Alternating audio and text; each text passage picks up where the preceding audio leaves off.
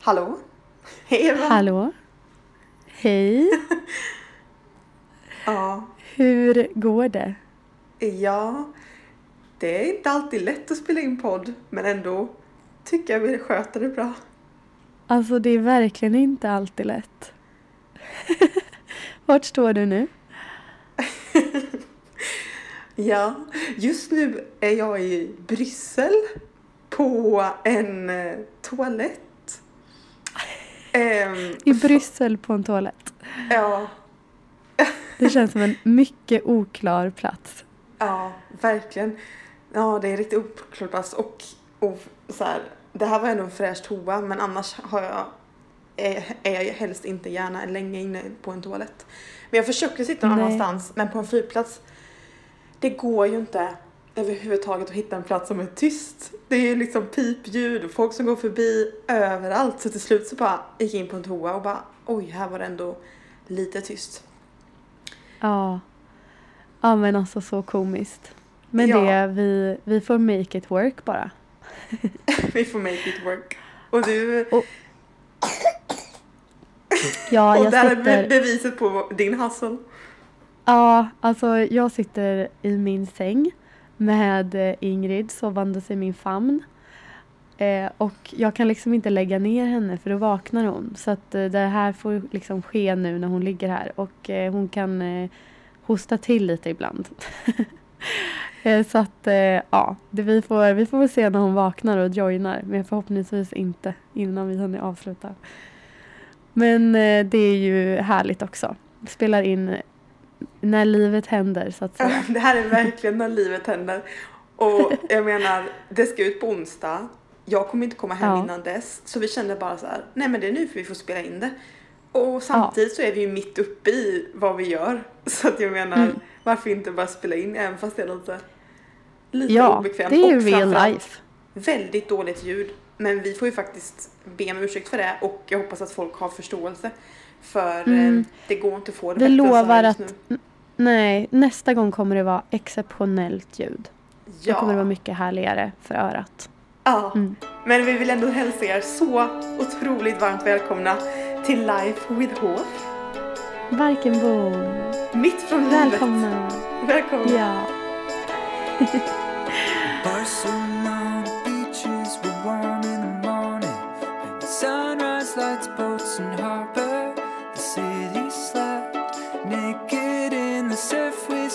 till Iceland.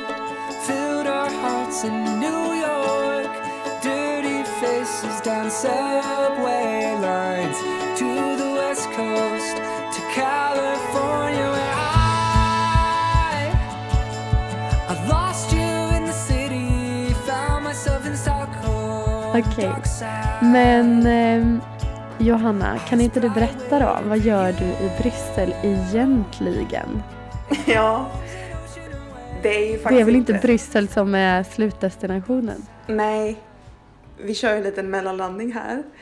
Eh, Mm. För att jag är på väg ner till Rom. Mm. Och Ehm. vad ska du göra i Rom? Ja. Nej men det, jag ska, det är ju eh, faktiskt inte så ofta jag har sagt det här högst än. Så där, det, det, jag, jag njuter av att säga det nu för jag är inte riktigt van, vant med vid att mina läppar uttalar den. Men eh, jag ska ju ner till så, eh, Rom för att FN har en organisation som heter World Food Program. Som är så deras Ja. food assistant program för att nå sitt mål Zero Hunger i det här ja, FNs globala hållbarhetsmål inom till 2030. Och Ja. Den här organisationen har huvudkontoret lite utanför Rom. Och Okej. där ska jag ner och träffa hon som är Head of Marketing. Och Head of, ja, jag vet inte om The Collaborations eller eh, Jessica Andrews. Så ska jag ner dit och eh, träffa henne och prata om eh, det här projektet vi ska ner och göra i Zambia. Men hur coolt är inte det? Alltså wow! Ja, Vilken jättekul. grej! Ja, det är, det är så kul. Alltså ja, det, Känner du dig laddad? Är du nervös? Eller liksom, vad, hur känner du? Jag har inte riktigt hunnit fatta det här än. För att det var så här bara, nu ska vi åka ner och så... Allt innan det... Alltså jag har typ hunnit tänka på det nu när man väl ska åka. Så nu är jag ju hur laddad som helst och jättetaggad. Och jag åker ner dit en dag innan och så ska jag verkligen få möjlighet att ta in Rom, tänker jag. Så här, sitta och äta lunch själv och Ah. bara planera mötet och göra en presentation och verkligen gå in i det. Ja. Och eh, när jag väl ska träffas så då lär jag ju vara helt redo. Men ehm, som sagt, Men än så wow, länge har jag typ inte fattat det. Nej. Ja. Och vad, vad är syftet då med det mötet? Du, du ska berätta om projektet i Zambia Mm. och så vill du liksom få, få med dem lite på det. Eller vad är, vad är själva syftet? Nej, men egentligen så började det med, för när jag var i Cannes så besökte Mm. vi FN-huset där. Och Mm. FN-huset, de har en, ett hus som de sätter upp där under, under Cannes eh, Lions. Och Mm. det är egentligen för att samla olika partnerskap världen över för att prata om de olika hållbarhetsmålen, de 17 målen. Eh, och då var jag där på en, en lunch för att prata just om olika sätt för att ja, men, ta bort hunger i världen på väldigt, eh, vad säger man, övergripande nivå. Det var mest att sitta med och lyssna. Men Ja. sen så var det en då som var ansvarig för World Food Program som var där. Och eh, Mm. jag fick eh, lite feeling och eh, hybris. Men ibland tackar jag mig själv för mitt hybris, hybris så jag gick fram Ja. till henne i alla fall och sa att ja, men jag har startat ett, ett mediehus och, och vi syftar till att skapa underhållning som eh, genom underhållningens kraft och medias kraft kan kunna skapa förändring. Att vi Mm. nyttjar underhållning som det kanske verkar som att det bara är underhållning men syftet är att ja, men kunna göra positiv skillnad. Mm. Eh, så började jag prata med henne om det och hon tyckte det lät jättebra så hon kopplade ihop mig med hon Jessica i Rom. Och ibland är det ju fördel att vara på en viss plats för att jag tror att bara för att jag var på det stället så tror hon Alltså då, då, då kanske man får mer legitimitet. Ehm, Ja. men nu är jag ju där och eh, vi ska göra det i Zambia och eh, jag tror många gånger, alltså så som de jobbar nu är ju, ja men de hjälper ju olika kvinnor på olika platser att bygga Ja. eh, företag för att långsiktigt kunna skapa möjligheter att inte, inte gå hungriga, inte bara kortsiktigt. Och där Ja. tror jag man kan jobba mycket mer med att ja men vad säger man, spela in det här eller dokumentera det för att få med folket och på något sätt, Ja. ja, jag behöver det är ju Men syftet så, med det så ju om häftigt. att jag tror vi kan skapa ett sånt bra partnerskap i det helt enkelt. Så det blir en sorts investering från deras sida eller, eller samarbete, samarbete Ja. från båda sidor. Så vi får se lite, men det är lite bakgrunden och syftet till mötet i alla fall.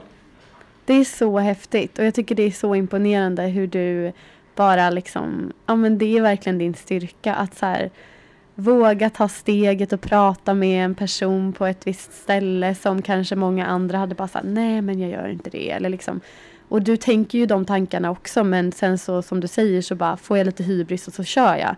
Men det är så coolt för att det är verkligen det som också ger så mycket möjligheter. Och det är inspirerande. Man eh, blir så här peppad och bara, åh, man borde verkligen så göra sådana grejer själv ofta. Och det är så häftigt att se bara vad det ger för resultat. Och nu är du på väg till Rom och liksom så, Mm. så roligt. Mm. Ja, ja, men fint, tack.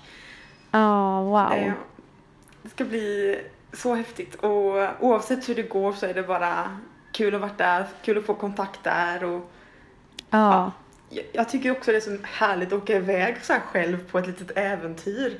Och bara Ja. så här, jag planerar att gå och lägga mig supertidigt imorgon och gå upp jättetidigt och springa och bara vara i den här bubblan lite. Så det känns som att man Ja. gör något busigt fast det är inte alls busigt. Det känns bara som att man är på väg att göra någonting spännande. Men mysigt att ha en sån eh, hel dag i Rom själv. Mm. Det är ju jättehärligt. Jag och Simon var i Rom en gång när vi gjorde en roadtrip i Italien. Och då Ja. fick vi tips om att gå och äta en carbonara på det bästa stället. De sa Jaha. att carbonaran kom därifrån men det vet man ju inte. Det kan ju bara vara någonting, någon branding. Ja. Men det var verkligen så här genuint litet ställe som eh, någon local hade tipsat om. Mm. Och pastan var du vet den här lite större pastan. Jag Mm. kommer inte ihåg vad pastasorten heter. Men det är den här Ja. lite större som ofta finns i Italien. Ja. Eh, du vet den här gula carbonaran. För jag tror riktigt bra carbonara ska vara gul och inte Ah. vit. Ja. Och det var så stor portion och det var så gott. Jag kunde inte sluta äta. Så jag, jag åt så Nej, fy mycket och njöt så mycket. Så efteråt, alltså jag, jag, jag och Simon gick och jag, jag typ somnade när jag gick för jag fick sån matkoma som jag aldrig varit med om tidigare. Så jag bara. Simon vi måste sätta oss på det här kaféet. Satte oss där, tog en espresso och sen somnade jag en kvart bara däckade På totalt för jag kaféet? fick sån matkoma. Det är också en skill du har, du somnar ju överallt. Ja det gör jag faktiskt. Jag kommer ihåg när du berättade för mig att du somnade på din, eh, du vet så här, eh, när man skulle ta körlektioner, när det var så här teorikurs eller något. Så här Ja. riskettan. Ja. Och du somnade där inne.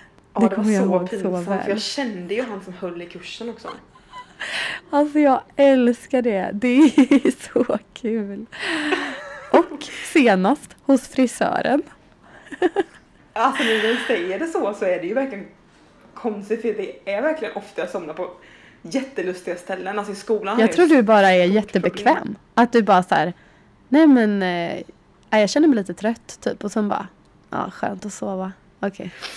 Ja fast oftast är det att jag, jag kan ju inte hålla emot. Det är så omöjligt. Det är ofta Ja. jag får stanna när jag kör bil och bara sova för att jag kan inte stå emot. Alltså det är sjukt faktiskt. Då stannar jag ut med vägen och sover lite. En gång var jag på väg till Simon, Simons föräldrar nere.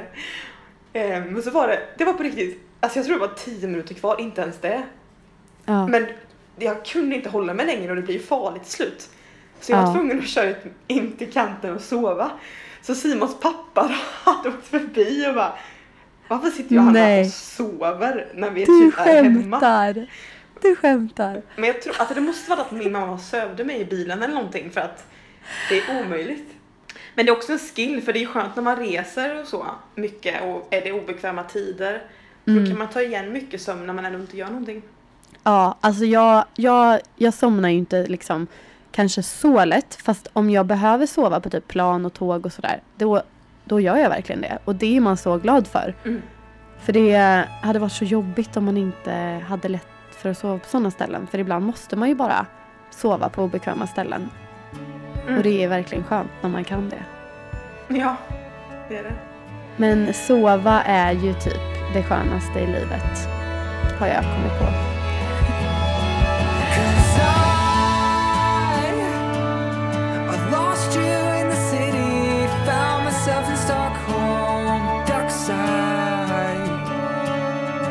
prime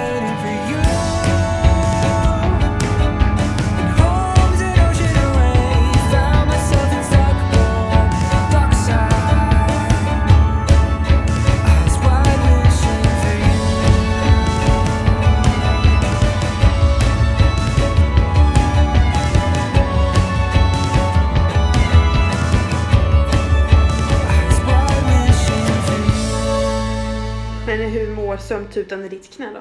Jo men hon, eh, hon mår bra. Hon, eh, hon fick ett litet getingstick i sin läpp igår. Så det var lite tråkigt och det gjorde lite ont. Eh, och vi fick åka in till sjukhuset och kolla upp det för eftersom det är i munnen och så kan det ju svullna upp. Men det gick bra. Och i morse Mm. så har vi bara haft en, eh, en skön morgon. Vi låg kvar i sängen länge. Jag, Ingrid och Oskar var hemma med oss. Och så Mm. åt vi en bara lång och god frukost och så här. Ja men du vet, hade liksom bara en mysig stund alla vi tre. Ehm, ja, så det var det känns som att ni är så bra på det. Att ni tar den tiden mycket tillsammans. Det funkar väl eftersom Oskar är så flexibel. Ja, det är faktiskt väldigt, väldigt, väldigt lyxigt att han är egen och på det sättet så har han ju möjlighet att ja, lägga sin tid så som han kan och vill. Så ofta så har vi typ morgnarna tillsammans och det är så skönt att få den starten till, på dagen och liksom bara sitta ner och mysa och prata och det, det är typ alltid så att vi ligger i sängen och Ingrid är typ så här jättegosig på morgonen. Alltså hon kan ligga så länge i sängen och bara Alltså hon typ ligger mot ens bröst eller mage och bara ligger och gosar typ. Och liksom Men bara är nöjd så. Och det där är så lyxigt. För kan, alltså det är extra lyxigt att hon gör så. För Ingrid annars är inte den som ligger Nej. och myser länge. Nej, jag vet. Så vi jag älskar älskar ju det. Ingrid. Trötta, trötta Ingrid Ja. är ju mysigast. Det är många som säger det. Bara, Åh, trötta Ingrid, vad mysigt. Sen är hon ju underbar pigg också. Men man tar ju verkligen vara på den här liksom, trött, eh, mysiga Ingrid. Men Det är eh, för att man får så mycket mys då. Annars är hon ju rolig på ett annat sätt. ja, verkligen. Nej men och sen så typ brukar vi göra så att jag går upp eh, och börjar göra ordning frukost och då ligger hon och Oskar i sängen och läser hennes eh, favoritböcker. Eh, och så bara liksom har de en mysig stund och så fixar jag klart frukosten och så tänder vi lite ljus och så sitter vi och äter ja, en mysig frukost tillsammans.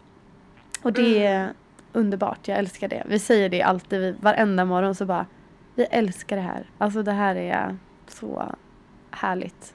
Det är verkligen, Mm. det gör dagen. Alltså hon har ju fått så här, ja men om det är något hon gillar så är det ju typ djur. Så nu bara innan eh, hon skulle sova här på morgonen så går vi ut på gatan en sväng och eh, går, så går hon och håller mig i handen för hon älskar ju att gå. Mm. Och så bara går vi liksom på gatan och väntar på att det ska komma hundar gåendes typ. Nej. Och så kommer det liksom någon som är ute och går med sin hund och då stannar vi upp och bara så här står jättelänge och kollar på den här hunden och hon typ så här står och härmar hunden och ja, alltså hon är helt förundrad över hundar. Men wow, så, nej men fy vad gulligt. Så ni går verkligen ut och Ja. bara så här letar? Ja. ja, vi bara går på en liten promenad och så finns det ett hunddagis som ligger liksom runt hörnet från oss. Ja. Och så brukar vi stanna där utanför för de går ju liksom ut på promenad med så flera hundar på samma gång. Mm. Och det är ju, det är liksom, alltså hon kan ju stå och kolla på det hur länge som helst och är helt förundrad över det. Men alltså vad gulligt. stå, Men alltså det måste jag fråga, hur är det, alltså känslan av typ som hon nu då när hon fick det här getingbettet, eller sticket. Alltså hur Mm. känns det för dig? eh, det känns faktiskt väldigt eh, jobbigt. Det blir typ en, eh, jag var inte heller med henne när det hände. Mm. Och jag tror det gör det värre. Mm. För hon var med min mamma och pappa. Mm. Eh, och så ringer mamma och bara eh, Ingrid har fått ett getingstick i munnen. Eh, och liksom bara vad ska vi göra typ? Och jag bara i munnen? Så bara hon kan ju svullna upp. Och så ringde jag min kompis eh, Lola direkt då som är läkare. Och då var hon så här, ah, nej, ni måste åka in typ. Det, det kan vara farligt ifall man blir svullen i halsen. Fy Och så bara känner man liksom en så stress över att man inte är där och så hör jag att hon är ledsen och så bara Alltså man, man har ju verkligen ett så här, ens mammahjärta blir ju bara så här, åh, jag måste få trösta dig liksom.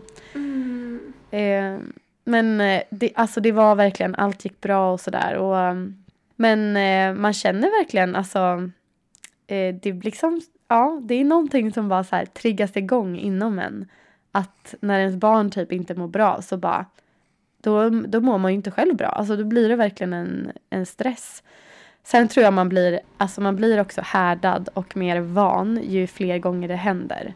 Mm. Och jag är ganska ovan med att så här, hon, ja, men hon, hon har inte varit liksom mycket sjuk eller alltså hon har ju inte gjort illa sig allvarligt så någon gång. Alltså brutit något eller ja. Mm. Ehm, men det är ju, ja man får ju lite så här, man förstår ju sina egna föräldrar. Man minns ju när man själv var liten hur orolig de kunde vara. Ja. Ja. Nej precis. Du vet där när, när de ringer och kollar vart man är och så här. Man, det, typ nu förstår jag ju den grejen på ett annat sätt. Ja, du gör det? Ja. Ja. Alltså jag tror man kommer vara orolig hela livet från och med nu. Det är så Alltså fy vad det känner jag. komiskt. Eller så det vill, alltså det Ja. orkar man inte. För att, Nej, men det, jag tror inte det går att göra någonting åt. Jag tror det bara, det bara är så. Ja. Från den dag man får ett barn tills det liksom... Alltså, jag tror våra föräldrar kan ju säkert vara oroliga för oss än idag. ja, jo det är därför jag inte sagt att jag ska hit till exempel. Men nu kommer ju din mamma få reda på det när hon lyssnar på den här podden. Jag vet, men då är, man, då är man ju på väg hem. Så då brukar det vara lugnt.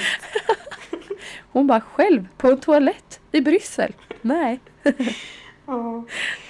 Men ja, jag fattar. Ja. Ja. alltså, men det är ju något fint i det också. Då, Ja. Det är ju liksom Mm. så det är tänkt tror jag. Ja. Alltså det är ju så det ska vara. ja, precis. För även fast det, alltså det är klart det är orolighet, fast det är någonstans handlar det ju bara om att du alltid har ett, ett kärleksfullt hjärta och en tankekraft som vilar över henne. Mer än att Ja. jag tror att, alltså jag tror man kan spä på oroligheten också. Så att det blir inte bra för Ja. någon. Men eh, Nej, annars sen bara precis. det, det vakande mamma-hjärtat är ju bara något fint. Precis, det är så sant. För jag, jag är ju alltså jag är inte en sån person som oroa mig över mycket saker överlag i livet. Och det är jag väldigt glad för. För att alltså man kan ju oroa sig för tusen saker. Och det hjälper ju egentligen inte att oroa sig. Men jag förstår också varför man är orolig. Alltså det är, men jag är bara väldigt glad att jag... Jag vet inte, jag typ bara så här, jag bara skakar av mig det. Orkar inte oroa mig för saker så ofta. Eh, men sen så, ja, det är ju, men det är ju verkligen, det hjälper ju liksom inte att oroa sig. Men sen förstår jag om man gör det. Men, Nej, precis. men ibland känns det som att många är oroliga mycket för saker som eventuellt kan hända eller sådär. Ja. Ja, precis. Alla möjliga ut, saker som skulle kunna hända och det är ju enormt mycket jämt så då, då kan man ju typ gå av av orolighet jämt. Men eh, ja, nej, men där delar jag. Alltså jag är inte heller så orolig av mig typ. Det är väl också för att alltså det man inte kan kontrollera nej. det är ju bäst att inte oroa sig för men sen är det ju lätt att bara säga så Verkligen. kanske men, men eh, det känns som att det är inte bra för någon att oroa sig för allt som skulle kunna hända. Då missar man nog allting bra som händer. Verkligen. Ja, nej. Man får försöka att skaka av sig det om man börjar känna sig orolig. Eller bara prata om det. Det tror jag hjälper. Om man liksom är orolig över något. Ja. Hur då typ? Nej men kanske bara tala ut det. Att man är orolig och inte går och så här håller det för sig själv. Mm. För senast jag kan eh, komma, komma ihåg att jag var väldigt orolig, det var när jag var gravid med Ingrid. Ehm, och då tror jag man går igenom så här mycket saker i huvudet och det är liksom en stor process och förändring och ja. Och då var jag eh, orolig en del under liksom graviditeten att Ingrid inte skulle vara eh, frisk. Och det var liksom, jag hade inte fått någon indikation på att det var så. Du vet man går ju och gör checkar och sådär. Men det var Mm. någonting som jag bar inom mig typ ganska länge som bara så här, låg och gnagde. Så här, tänk, om hon är, tänk om bebisen är sjuk och tänk om det är något fel och liksom så. Eh, Mm. och sen så var det inte förrän jag typ vågade säga det till Oscar att jag var orolig för det. Och han kunde prata med mig om det och bara, men varför är du det? Så här, är det någonting som har fått dig att bli orolig? Så här, är det någonting, har du hört om någonting? Eller, och så kunde jag liksom bara få här, tala ut det och prata om det. Och då var det som att det liksom släppte. För att jag bara så här Mm. lättade lite på det och inte bara gick och så här. Du vet när man går och tänker på något själv då kan man också bara göra det värre i sitt eget huvud. Mm. Eh, och det blir liksom aldrig bättre. Så jag tror att det är bara bra att säga det till någon. Och då kan ju någon bara också hjälpa en att processa det man är orolig för. Verkligen. Och det blir någonstans som att går man och tänker på någonting så länge och oroar sig, då är det nästan Mm. som att man letar efter saker som bekräftar ens orola, orolighet. Även Ja. fast man inte vill såklart. Men så, så blir det någonstans det, man, det till slut man letar efter. Ja, Och det, det kanske till och med kan spä på möjligheten att det skulle ske någonting. Ehm, verkligen. Men så det är väl jättebra att prata om det. Och, Ja, mm, jag tror det. Och hitta någon som kan uppmuntra en och liksom hjälpa en att inte känna sig orolig. För oftast om man lättar på det, liksom det man känner, då är det ju någon som är vettig och bara, men hallå, så här, tänk så här nu. Eller Ja. liksom, ja, hjälper en lite på vägen. Ja, det är så intressant med för det handlar ju bara om jag tycker ofta rädslor och orolighet Mm. handlar om alltså erfarenhet eller, vad, eller snarare vad man vet om, om, om det, om man säger. Mm, mm. Eller så här, som att det skulle vara farligt att...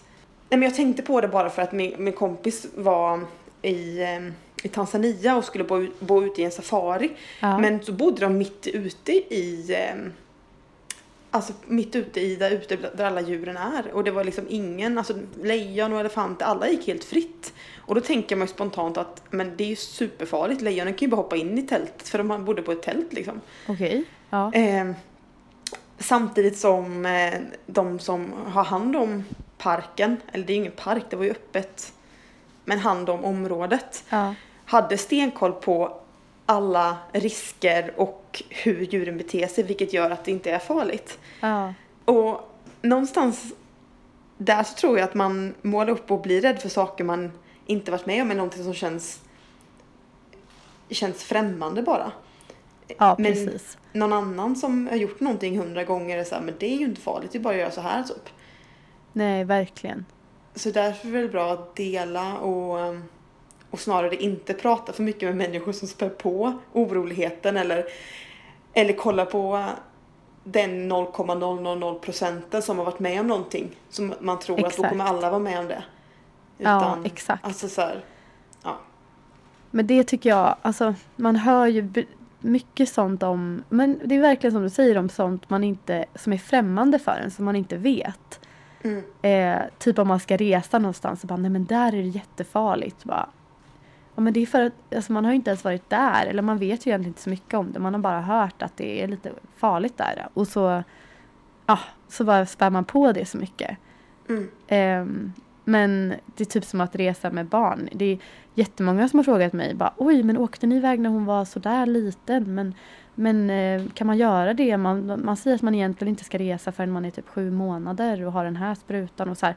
Men alltså det går ju att kolla Alltså, det, jag tror att det är, när någonting är främmande och så här, man inte har gjort det, då känns det nog farligare än vad det är. Men sen om man bara så här, kollar upp saker, ger rätt vaccin eller bara så här, löser saker, då, då är det inte så farligt och då är det inga problem egentligen. Nej.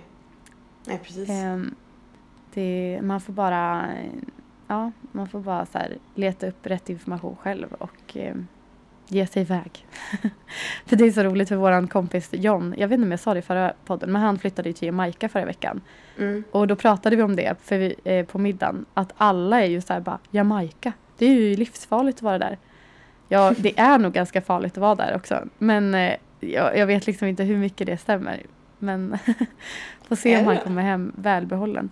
Alltså de, de tydligen ska Kingston, tror jag som är huvudstaden, vara världens farligaste stad.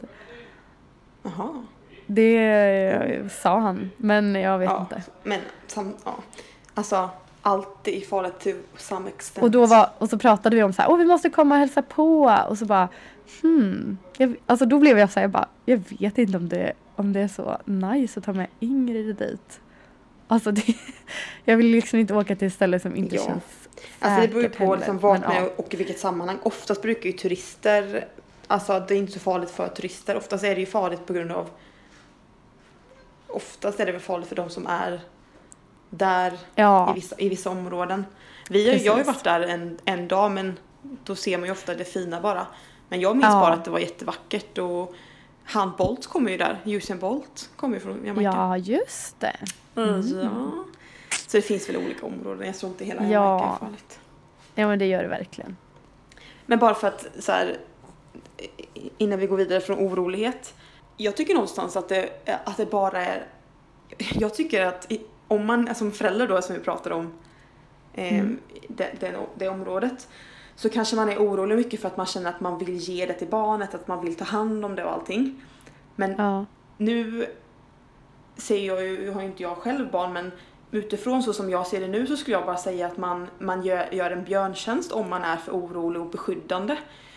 ja, För då är det som att man inte riktigt får snubbla in i alla misstag eller, eller snarare märka att det är inte så farligt att och blåser man upp saker och projicerar sin egna rädsla eller orolighet till barnet så gör verkligen. det att barnet sen inte ja, men, har olika inprogrammerade saker som, som kanske gör att man inte följer nyfikenheter eller drömmar som man faktiskt vill åt. Ja. Så. Eller vad tänker du? Ja, men man måste ju på något sätt få egna lärdomar typ. Alltså i livet. Eh, och det kan man ju bara få av att man testar saker och lär sig. Alltså, eh, utforska saker, ehm, är med om saker och jag vet ju att man liksom inte kommer kunna typ skydda sitt barn från allt, allt. Och det är ju precis som man själv, när man själv har växt upp. Alltså man har ju fått lära sig saker själv och ja, det, det hjälper ju liksom inte att man, man ständigt går och är orolig. Eh, man måste nog släppa lite på det och inse att så här, det kommer gå bra och det kommer... Ja, men man måste bara låta, låta det vara liksom. Mm. För förr eller senare kommer ju barnet behöva utsätta sig för världen.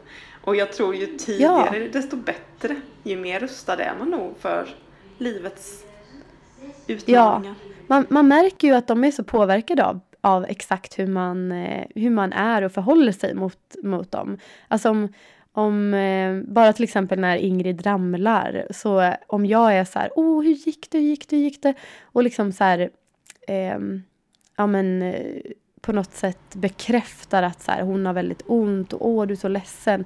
Då, då märker man att då blir det bara mer och mer så, så här, tyck synd om mig och ah, så. Mm. Men om man är lite mer så här, jag, jag tror absolut på att ge henne tröst och visa att så här, hos mig får du alltid tröst och jag ser dig och liksom det där gjorde ont. Men om man har också den här upp igen, så det gick bra, liksom den attityden. Då märker man ju att det också är så mycket mer lättsamt för henne. Mm. Och att hon också då får den synen och bara så här, okej upp igen, spring vidare och liksom. Alltså Mm. det, man, det påverkar henne så mycket hur jag är mot henne. Mm. Så om jag går och är superorolig hela tiden och liksom, det kommer ju påverka henne också genom livet. Ja. Så man får nog ja, hjälp. Det är så mycket man måste så här, tänka på hur man är mot sitt barn. Ja. Ja, precis. Men jag tror inte att man kan förändra det så mycket heller. Jag tror man också bara får vara så som man är som person. Ja, sen så samtidigt så, är det väl bra att man se. reflektera över det, vad man vill att barnet ska ta med sig. Ja, det tycker jag. Jag, jag lyssnar faktiskt på en, en podd eh, som har med en eh, barnmorska och psykoterapeut som heter Louise Hallin. Och jag tycker att hon är väldigt bra. Men där lär jag mig supermycket om sådana där saker som man verkligen ska tänka på. Eh, som man inte liksom, ja men som man kanske inte tänker på att man undermedvetet gör eller säger och är mot sitt barn som faktiskt de plockar upp och liksom påverkas av. Mm. Så det är väldigt eh, intressant. Men ja, man, eh, jag tror inte det hjälper att vara orolig i alla fall. Mycket.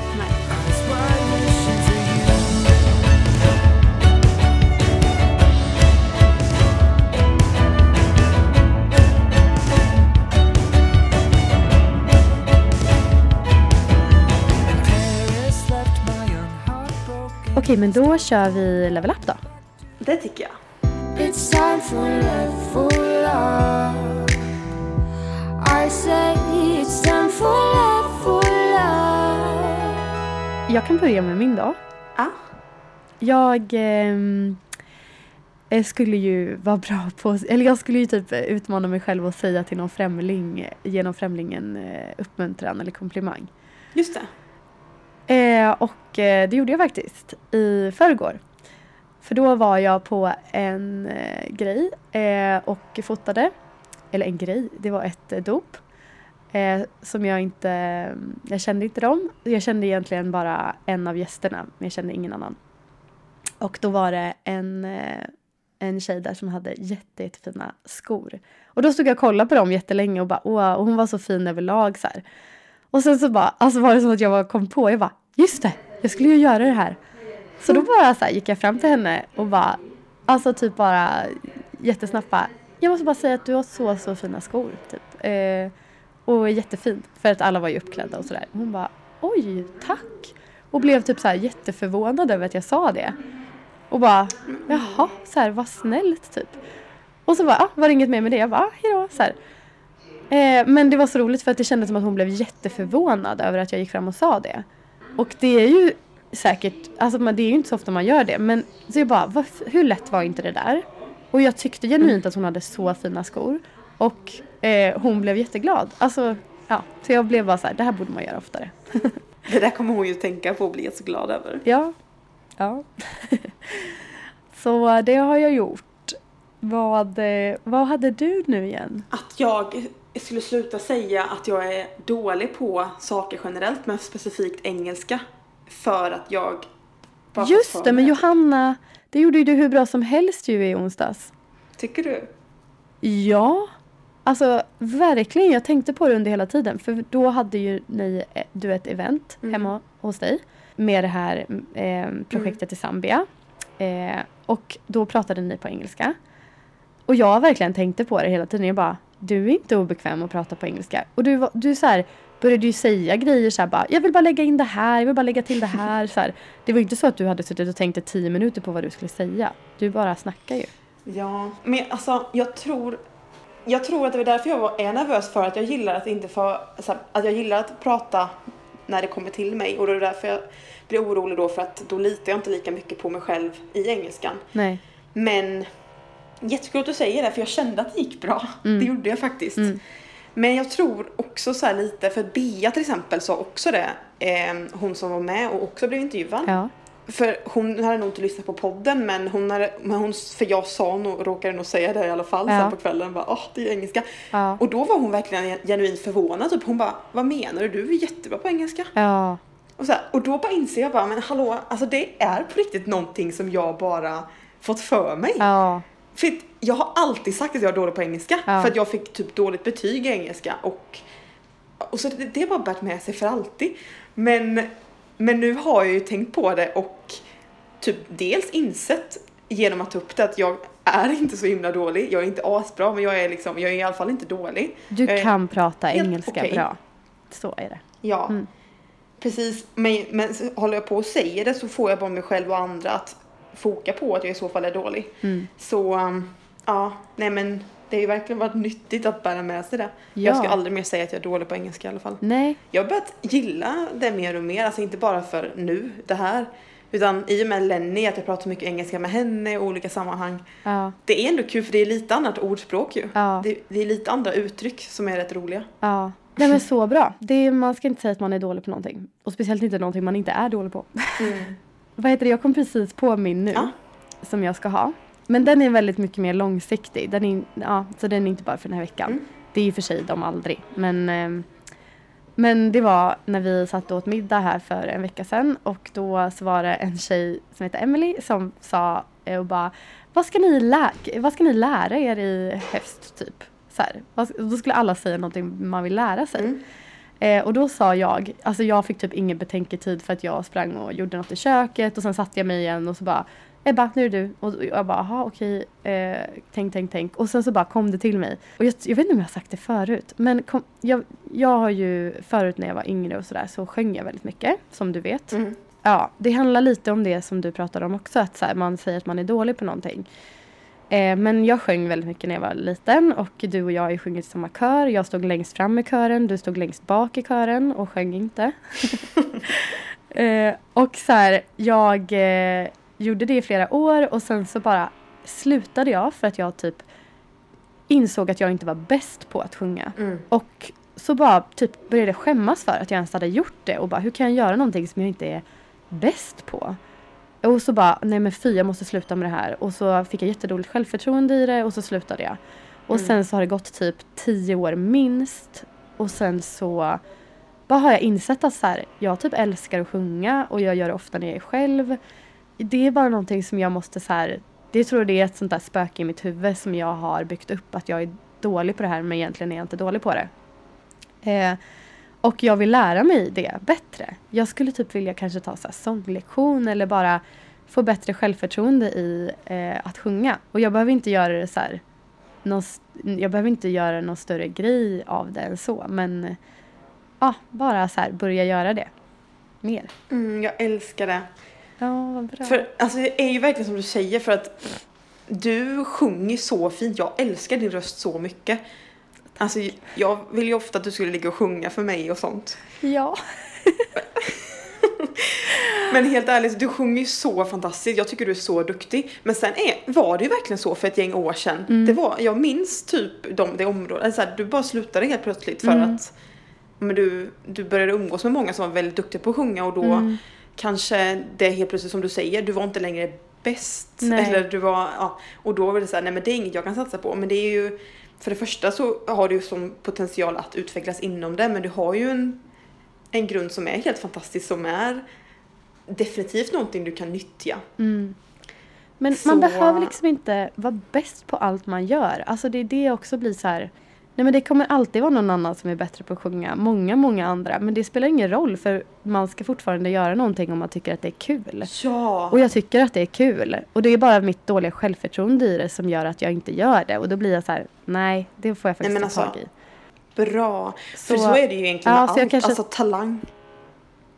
Ja, Alltså talang är ju oftast, det är ju bara en liten del, 10%, 20% och sen är ju genomförande Ja. eller övning och allting, allt annat. ja, Ehm, verkligen. så att jag menar, ja, du är säkert bättre än att sjunga än många stora artister idag bara för att man har fått uppbackning av så många som hjälper till. Och sen, Mm. men det betyder ju oavsett inte så att man behöver göra någonting av det. Det betyder bara att du kan göra någonting som du älskar att göra och det är att sjunga. Oavsett om man är bäst Ja. eller inte på det. Så att, nej men, Precis. jag tycker att det låter jättebra. Jag ser fram emot att höra dig sjunga igen. Jag kanske sjunger, kommer sjunga mest i duschen och när du ska sova. Ja men alltså. Jo, det var fina tider. Jag sjunger ju, jag sjung, jag, det kanske är det, jag sjunger ju varenda dag vaggvisor till Ingrid. Det har Mm. nog liksom plockat upp det där lite. Jag, jag, nu har jag ju börjat sjunga liksom jämt Ja. för det. Mm. Åh, jag, så bra Ebba. Ja. Jag är så glad att höra det. Ja, Mm. Kul. Mm. Eh, okej nu är det du. Jag tror att ehm, ja, men en, en svaghet som jag har haft är att mycket att jag inte gillar att få ut saker på papper när jag mm. Mm. ska göra någonting. Alltså jag gillar att ha det i mitt Mm. huvud och, och prata Ja. om det men, men ehm, det kan ju vara eh, i privat också om, om man ska göra någonting att, att jag, jag bara tar för givet att alla är med på bollen tills bollen kommer och jag bara till exempel är här nu utan att typ sagt det. Men nu tänkte jag framförallt Mm. på men i, i jobb också. Att eh, Mm. men inför möten och stora presentationer så gillar jag att bara att prata och inte ha det så mycket konkret på papper för att vara flexibel i mötena. Men Mm. nu har jag börjat inse mer och mer i nu när många samarbeten och större grejer börjat komma till en annan nivå så här, att det Ja men då har jag fått så bra feedback eh, från en som är halvt min mentor. Så att, Ja. att det behövs, alltså man behö- behöver vara konkret för andra, på andra sidan. Alltså till slut så är det någonstans att ja, men det behöver vara på papper, det behöver vara så man kan måla upp någonting. Eh, och där har jag Ja. ett stort berg att bestiga som bara så här, uh, få, få ner allting och ut allting. Bara den här veckan till exempel så ska jag ja, men börja skriva ner allting typ direkt och eh, imorgon till exempel när jag har mötet så eh, Ja. vill jag ha någonting att presentera via en slide. Alltså inte powerpoint så här och prata upp det efter den Nej. men, men ändå lite mer så business proposal eh, konkret när det kommer till pengar och så. Det känns som att de flesta är tvärtom. Att man är mer trygg i att skriva ner saker och kanske bara prata utifrån en slide. Så att jag tror att det är också en väldigt styrka du har. Att du inte behöver det. Ja, jo, och jag vill fortsätta göra på det sättet att det ska vara alltså fritt. Eh, Mm. Vad säger man? Inte, inte prata på det sättet men alltså någonstans så behöver jag få ner papper för att kunna åstadkomma att inte allt bara rör, rör sig i mitt huvud typ. Ja, men bra. Ja. Och sen funkar ju alla människor väldigt olika. Alltså vissa kanske, som du presenterar för, kanske måste se det på papper. Eller liksom måste ha så här, men, eh, siffror framför sig eller du vet så. Mm. För att man funkar ju väldigt olika. Mm. Nej men precis. Så det kan ja. Och men jag tror också så här. Nej men jag tror man, jag kan vara lite rädd nästan när det kommer till att man ska för jag är så, ja men det löser, sig, det löser vi med ett handslag typ. Mm. Bara vi vill åt samma håll så det här kommer bli svinbra. Eh, Mm. Det rör sig om det här och det här och det här. Men alltså Ja. nu, det är liksom och självklart jobbar jag ju med avtal och sånt men nu. Men jag menar bara, jag tror jag måste eh, inte, inte vara rädd för att konkretisera saker. Fy vad bra. Oj vad bra vi ska bli. Ja. Men bra! Det här kanske gick. Vi får Ja. se. Jag vågar typ inte lyssna på, på ljudet men vi har ju faktiskt lagt in en sån eh, di- disclaimer att eh, det här är dåligt ljud. Det roliga är Ja. att jag står ju också inne på um, handikappstoaletten. Ja. För att den var, alla, den andra toan gick ju alla in och ut i hela tiden. Så jag kunde inte spela in. Så jag Nej, har typ inte öppna den för tänk så är det värsta kön där ute. Åh nej, nej, nej, nej, nej. Och det är också den typ man byter blöja på barn i. Jag vet, det är så dumt. Men jag tänker att en flygplats, man går ju till en annan om det inte finns. Ja. Men jag kan också Ja, mötas av en publik. Och fy vad jobbigt. Men vad gör man inte för dig och våra lyssnare? Nej, vad gör man inte? Okej, jag ska slänga in en lax i ugnen och sen kommer Sofie över på lunch. Ah, men åh vad trevligt! Hälsa Ja. henne så mycket. Det ska jag göra. Jag ska ta mig en kaffe till eh, frukost slash lunch och sen njuta av flygplatsen lite. Ja, och alltså Johanna, njut av Rom och lycka till på alla sätt och vis. Och jag vet Tack, redan att du kommer vara grym. Tack. Och tack till alla som har lyssnat på det här avsnittet. Ja, tack för att du höll ut till slutet. Vi är så glada. Ja. Vi hörs nästa vecka. Okej, ha en fin vecka. Ciao!